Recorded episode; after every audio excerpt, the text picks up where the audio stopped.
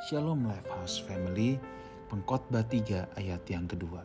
Ada waktu untuk lahir, ada waktu untuk meninggal, ada waktu untuk menanam, ada waktu untuk mencabut yang ditanam.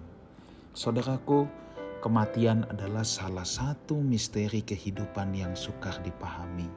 Saya ketika mendengar kabar bahwa seorang rekan hamba Tuhan punya anak yang sedang pergi pelayanan, tetapi tiba-tiba anak tersebut harus meninggal dunia karena terseret arus sungai. Ada lagi kisah yang masih muda sudah harus meninggalkan anak-anak yang masih berusia balita. Saudara, juga ada kisah-kisah di mana seorang teman yang harus merelakan kepergian ayahnya. Padahal baru saja Pagi-paginya berkata masih seger, masih ngobrol, masih santai, cuman mau istirahat, agak lelah, tetapi tiba-tiba sudah dipanggil Tuhan. Saudara, kita memang terkejut mendengar kabar-kabar seperti itu. Sampai saat ini kematian selalu menjadi misteri ilahi. Pengkhotbah tadi kita baca berkata, ada waktu untuk lahir, ada waktu untuk meninggal. Pada umumnya saudara, manusia mempersiapkan diri untuk menyambut kelahiran daripada menghadapi kematian. Untuk menyambut lahiran biasanya orang tua sudah sibuk ya untuk mempersiapkan kebutuhan sang bayi yang baru mau lahir. Tetapi jarang ada orang yang mempersiapkan diri menghadapi kematian.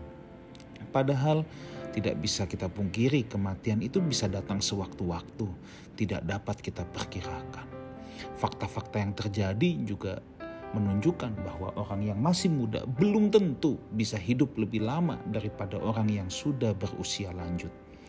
Orang yang dalam keadaan sakit parah terkadang bisa Tuhan izinkan untuk hidup lebih lama daripada orang yang kelihatan masih segar bugar. Perkara kematian ini akan tetap menjadi kedaulatan Tuhan sebagai pencipta, pemberi hidup, dan penentu akhir keberadaan hidup manusia di bumi ini. Persoalannya buat kita sekarang adalah selagi Tuhan memberikan kita kesempatan untuk hidup, mari saudaraku kita manfaatkan sebaik mungkin. Selalu saya berkata bahwa kalau kita masih bisa melihat mentari terbit di ufuk timur, itu berarti Tuhan masih memberikan kepada kita satu hari lagi kesempatan untuk kita boleh menjadi berkat, untuk kita boleh menjadi semakin serupa dengan Kristus, untuk kita menjadi pelaksana kehendaknya di bumi ini. Saudara, jangan sia-siakan waktu yang ada. Nikmati apa yang Tuhan berikan. Ketahuilah mana yang benih, mana yang roti dalam kehidupan kita. Roti kita boleh nikmati. Tetapi benih yang Tuhan berikan harus kita taburkan kembali. Sayangi keluarga kita, termasuk Kasihi pasangan hidup kita dengan sungguh-sungguh. Sayangi anak-anak kita. Punya waktu untuk mereka. Saudara, pasti satu hari kelak ada waktunya kita pasti akan berpisah dengan orang-orang yang kita kasihi. Akan ada ucapan syukur dan kenangan manis yang dapat dikenang kalau kita memanfaatkan waktu sebaik-baiknya. Jangan sampai ketika orang-orang yang kita kasihi itu meninggal, kita baru menyesal. Duh, aku belum begini. Duh, aku belum begitu. Biarlah ketika satu hari kelak kita harus berpisah dengan orang-orang yang kita kasihi.